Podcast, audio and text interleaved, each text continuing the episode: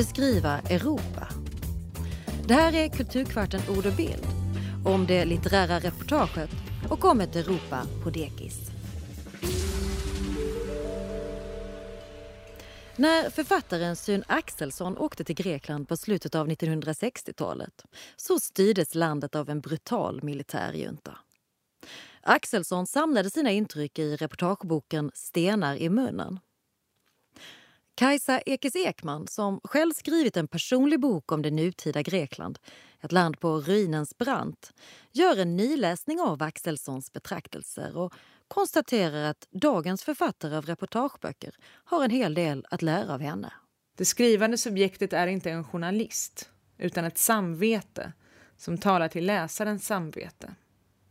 Författaren har samtal med människor istället för intervjuer. Men först till mellankrigstidens Wien och till Stefan Zweig. Den bildade kosmopoliten som förkroppsligade ett Europa eller ett europeiskt ideal. Långt från ett Europa präglat av nationalism och bruna och röda totalitära ideologier. Zweig var länge en av Europas mest lästa författare men blev sedan bortglömd. Har han något att säga oss idag? Ann Ige. Sommaren 2014 reste jag till Wien för att fira min svärmors 80-årsdag. Det judiska flyktingbarn som fötts i Wien, jagats på flykt av nazismen och vuxit upp i Göteborg återvänder nu med en flock barn och barnbarn. Hur gör man Wien på ett par dagar mitt i sommaren? Det gör man naturligtvis inte. Men man kan hinna se att författaren Stefan Zweig växte upp nära nog tvärs över gatan från min svärmors barndomshem. Nu var vi ju inte på plats för att göra vin utan för att de berättelser vi hört så många gånger skulle få en annan substans. Och för att vi sedan kunde åka därifrån utan att fly. Vi gjorde oss själva mer än vin. Med på vinresan hade jag Världen av igår av just Stefan Zweig som var en av det tidiga 1900-talets mest uppburna tyskspråkiga författare. Boken är en självbiografi, men lika mycket en biografi över en epok och över Europa. Zweig var på väg att lämna livet när han skrev den mellan 1939 och 1941. Stefan Zweigs Europa är landmassor som beträds av manliga författares fötter men utgörs också av de tankar dessa författare tänker. Mer av det sista egentligen, för så mycket fötterna på jorden blir det inte. Men de stora författarna tänker och skriver och umgås med Zweig. Rilke, Roland, Gorki och Freud. Vi får också möta sionismens grundare Theodor Herzl som högt vördad kulturredaktör. Orkar man med denna manliga blick är Zweigs bok en viktig berättelse om det stora europeiska trauma som 1900-talets två världskrig blev. Boken är skriven med en smärtsam närhet, men också med viss distans. Beskrivningen av Zweigs ungdom i en förmögen judisk familj i Wien kan på sitt sätt inte vara annat än fascinerande. Denna värld som försvann.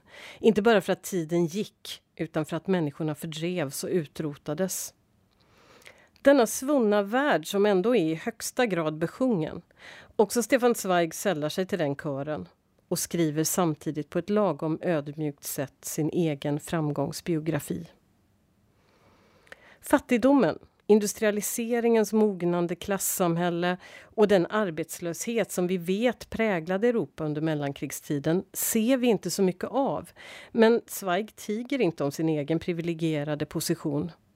Om kvinnor är han däremot överlag ganska tyst. Men intressant nog finns ett kapitel om mellankrigstidens könsrelationer där kvinnans relativa befrielse, inte minst ur den borgerliga klädedräkten, får stå för något oerhört stort. Även den minskade prostitutionen blir ett tecken på befrielse. Jämlikheten mellan könen blir del av det moderna, något som leder framåt. Det gamla stod stilla, rörde sig inte, var hårt insnört i 1800-talet. Stefan Zweig är djupt chockad över hur det första världskriget förstörde möjligheten att leva på det sätt han tänker på som europeiskt. Nationalism och fascism tog helt över. Åren efter Hitlers maktövertagande i Tyskland tillbringar Stefan Zweig i England. När kriget bryter ut 1939 tar han sig till USA och till sist till Brasilien. Där skriver han Världen av igår för att sedan ta livet av sig tillsammans med sin andra fru. Dessa sista år är mycket kortfattat beskrivna. Men det är också den förlorade världen som han söker beskriva, inte sin samtid.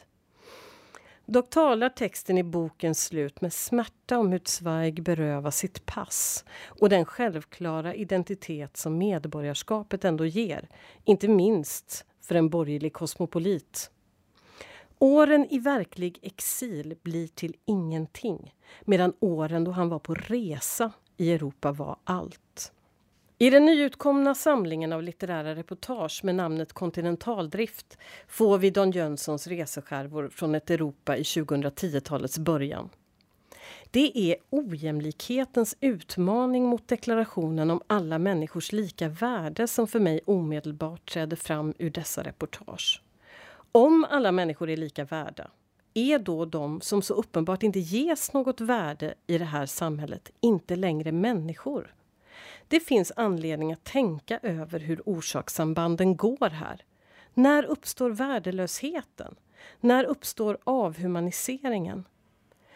Många europeiska länder befinner sig fortfarande bland de rikaste och mest jämlika i världen. Men ingenstans går vi idag fria från den växande ojämlikhetens spöke. Den absoluta fattigdomen har minskat globalt sett. Men de rika blir rikare, klyftorna ökar och kapitalinkomster utgör en växande andel av inkomsterna i samhället. Enkelt uttryckt, på lönernas bekostnad. Där står vi idag. Och det som under decennier varit tillväxtens form och innehåll håller på att bli dess egen fiende. Det personliga anslaget i kontinentaldrift får en särskild klang av att Jönsson använder de tidigare kommunistiska länder han besöker som ett sätt att fundera på sin egen bakgrund i kommunistisk partivänster. Och där ligger de, Europas östra delar. Utan tvivel har de lagt bakom sig en idag nästan otänkbar slutenhet och ofrihet. Men den ökande ojämlikheten är också allra tydligast här även detta ett sätt att vara europeisk på idag. Liksom att uppvisa starka framgångar för nationalistiska och högerradikala partier i val och opinion. Don Jönssons sista anhalt i kontinentaldrift blir Aten våren 2014. Och det är inte märkligt. Grekland är såväl spöket som hoppet i dagens Europa. Hoppet för den som tror på en annan vändning än fascismens. Spöket för den som tror att det finns en väg framåt för åtstramningspolitiken. Men ibland går tiden fort, även när man försöker placera den i de stora sammanhangen och det långa historiska perspektivet. Den man som Jönsson talar om som en av landets ledande oppositionella ekonomer, Yannis Varoufakis, är idag finansminister. Våren 2014 registrerade Jönsson en sorts väntan hos många människor han mötte under sitt besök i Aten. En undervegetation av handlingar för det gemensamma, av aktivism i vardagen utanför torgens protester. Vad skulle detta tjäna till, undrade Jönsson, liksom somliga greker. Idag tycker många sig se en verklig vändning. Jag återvänder till hur Zweig så förtjust beskrev mellankrigstiden som en sorts utrensning av konstgjorda könsskillnader och ojämlikheter och hur han därmed både observerar och skriver fram en stor skillnad mellan sin egen värld och sina föräldrars. På liknande sätt byggdes identiteter runt en relativt allmän social jämlikhet i många av Europas välfärdsstater under några decennier efter det andra världskriget. Under en tid var ojämlikheten som något förgånget, något som hörde till historien. Det som den europeiska blicken behövde för att urskilja sin egen modernitet. Idag måste vi se ojämlikheten och fattigdomen rakt i ögonen för att alls känna igen vår egen samtid. Ann Iga är redaktör på Ord och bild. Och hon hade läst Världen av igår av Stefan Zweig och även Dan Jönssons litterära reportage Kontinentaldrift. Sedan 2009 har Grekland befunnit sig i den djupaste ekonomiska krisen hittills i något land inom EU. Hundratusentals människor är arbetslösa och det finns en fattigdom som landet knappt upplevt sedan andra världskriget. Populistiska och fascistiska krafter griper kring sig. Hur ska det som händer Grekland beskrivas? Kajsa Ekis Ekman, som under flera år skildrat krisens Grekland, funderar på det litterära reportaget. Och hon gör det i sällskap med författaren Sun Axelsson. I pausen på en gala där vi i Nätverket för Grekland samlar in pengar till vaccin och mediciner smyger sångaren Jan Hammarlund upp till mig. Du ska ha den här. Hon gjorde vad du gjorde, fast för 45 år sedan. Han ger mig en grön pocketbok med mörka soldater på permen. Stenar i munnen. En bok om Grekland. Författare Jan-Olof Hedlund, 1969. Vid författarnamnet har Hammarlund ritat en asterisk och skrivit pseudonym för Sun Axelsson. Varför hade jag inte läst henne tidigare? Det här var ju jag för 45 år sedan. Axelsson åkte till Grekland under åren för militärkuppen, levde i landet, träffade människor ur olika samhällsklasser, tog ställning. Så underligt att läsa henne. En känsla av att vi har skrivit samma bok. Är det tiden? Är det vi? Är det landet? Hur fascinerande är det inte att återfinna samma slagord, samma politiker, nästan exakt samma fraser i muterad form. Axelssons vänner ropar bröd, utbildning, frihet. Deras barn ropar idag samma slagord med tillägget diktaturen tog inte slut 1973. Axelsson skildrar ryktesspridningen, detta hopp om att någonting kommer att hända. De långa höstmånaderna i Aten som pendlade mellan hysteri och passiv förtvivlan. Ens grekiska vänner viskar i örat att “something is cooking”. Och här står jag, en annan höst, 45 år senare, på Sintagmatorget framför parlamentsbyggnaden och lyssnar till exakt samma spända förväntan. Kommer regeringen falla? Någon i hopen kastar fram en teori om att en militärkupp förbereds. Fotini säger de försöker få oss att dö av hjärtattack, det är vad de gör. Samma pendelrörelse mellan hopp och passivitet, då som nu. En centralgestalt i, i Axelssons bok är Andreas Papandreou, motståndshjälten som senare grundade Socialistpartiet och blev premiärminister. Bara att yttra hans namn räcker för att få Axelssons vänner häktade. Han har även skrivit efterordet till hennes bok. Hans son Jorgos Papandreou kom sedan att ta över både Socialistpartiet och premiärministerposten och har en central roll i min bok. Men nu som syndabock. Den som lovade att det fanns pengar och sedan genomförde de värsta nedskärningarna någonsin. Den som skrev under avtalet med IMF. Hans namn, förkortat GAP eller Georgakis, räcker för att få människor att explodera av ilska. Landet vi bägge bodde i kan tyckas ha förändrats mycket. Det Grekland som Axelsson kom till 1968 var ett fattigt land med utbredd analfabetism. Ännu märkt av inbördeskrig och där juntan nyligen tagit makten. Hon beskriver byar där kvinnor föder 14 barn och där flickor blir slagna för att ha tittat på män. Det land jag kom till 2011 hade upplevt en snabb tillväxt baserat på billiga lån och dess ungdomar hade blivit de bäst utbildade i Europa. Men finanskrisen hade slagit till och trojkan, Europeiska unionen, Europeiska centralbanken och IMF hade lagt landet under tvångsförvaltning och genomfört brutala nedskärningar med en 30 i arbetslöshet som resultat. Ett land där få av de unga har råd att skaffa barn och där par i 35-årsåldern gör abort för att ingen har fast jobb eller egen lägenhet. Det är inte landets förändring som är mest markant då jag läser Axelssons bok idag. Det är prosan. Bara titeln, Stenar i munnen. Vilken reportagebok har idag ett sånt poetiskt anslag? Hon inleder med raderna. Det var en gång en by. Det var en gång ett samhälle. Det var en gång ett hav som var blåare eller grönare eller mera vinfärgat än något annat. Här ler jag igenkännande, detta dilemma när man skriver om Grekland.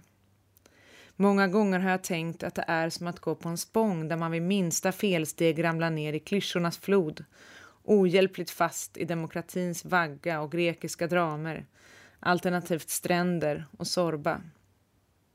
Men det är främst en fara för trötta rubriksättare. Svårare är att förhålla sig till filhellenismen.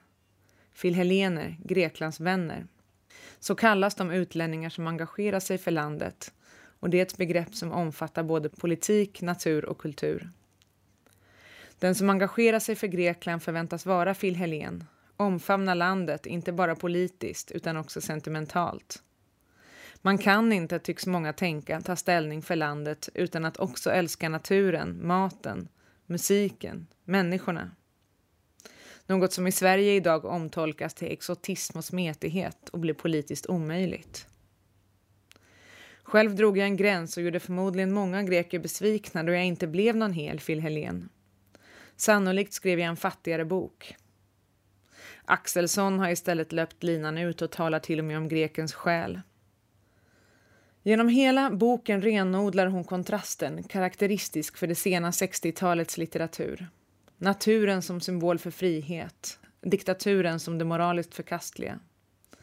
Samma drag går att spåra i tidens sånger och barnböcker. Fjärilen står mot maskinen, det vildvuxna mot fabriken, barnen mot auktoriteterna. Det betyder inte att Axelsson är propagandistisk, förutom på ett fåtal ställen. Snarare tillåter det poetiska anslaget henne att måla människor, överklass, bönder, generaler, skolflickor med en mångfacetterad palett. Hon kan utan att tveka beskriva människor som fula eller desperata och skildra de olika typer av leenden och tveksamma ögonkast som möter henne då hon står i en militärparad och kastar ur sig Tanks. Kallar ni det demokrati? Det har sagts att estetiken på 60-talet fick stå tillbaka för politiken. Jämför jag dagens reportageböcker med 60-talets ser jag tvärtom en genre som hade tillgång till en större verktygslåda. Reportageboken på 60-talet var inte en reportagebok. Den var politisk litteratur, dokumentär protestlitteratur som Johan Svedjedal kallat den. Den flyttar sig obehindrat mellan dikten, reseskildringen, sagan och retoriken. Det skrivande subjektet är inte en journalist utan ett samvete som talar till läsarens samvete. Författaren har samtal med människor istället för intervjuer. 60-talets politiska litteratur är sällan ekonomisk analytisk utan rör sig kring motsatsparet de små kontra de mäktiga. Dagens reportagebok är i jämförelse en stympad genre. Samtidigt som författarens jag tar mycket plats är det sällan författarens riktiga jag. Den skrivande människan trycker undan sina passioner, diagnoser och konstigheter och gör sig istället till en journalist med en standardpersonlighet. Man ska inte skriva någon på näsan eller ge färdiga svar, vilket gör att resultatet ofta blir urtrist. Intervju, hoprafsade fakta, intervju, fakta, slut. Utrikesreportage ska helst skrivas av en typisk svensk som uttrycker typisk svenska reaktioner. Axelsson är inte någon typisk svensk i sin bok. Jag vet inte ens om hon förhöll sig till begreppet. Hon är överhuvudtaget aldrig privat, däremot just ett samvete. Journalisten Jan Gradvall hävdar i en krönika att Sun Axelsson skrev under pseudonym för att hon inte ville bli bedömd som kvinna. Jag tror knappast det handlade om det. Snarare ville hon kunna återvända till Grekland, vilket skulle ha blivit omöjligt om juntan fått veta vem hon var. Det skulle dessutom inneburit livsfara för dem hon umgåtts med. Att det är en kvinna som skrivit känns uppenbart. Få manliga intellektuella lyckas röra sig med en sådan lätthet mellan hemmen, de offentliga arenorna och den historiska analysen utan att överge det vibrerande språk som är Sun Axelssons kännetecken. Sa Kajsa Ekis Ekman, journalist och författare, bland annat till boken Skulden. En längre version av det här inslaget och flera andra texter om krisen i Grekland hittar du i Ord och bild nummer 5.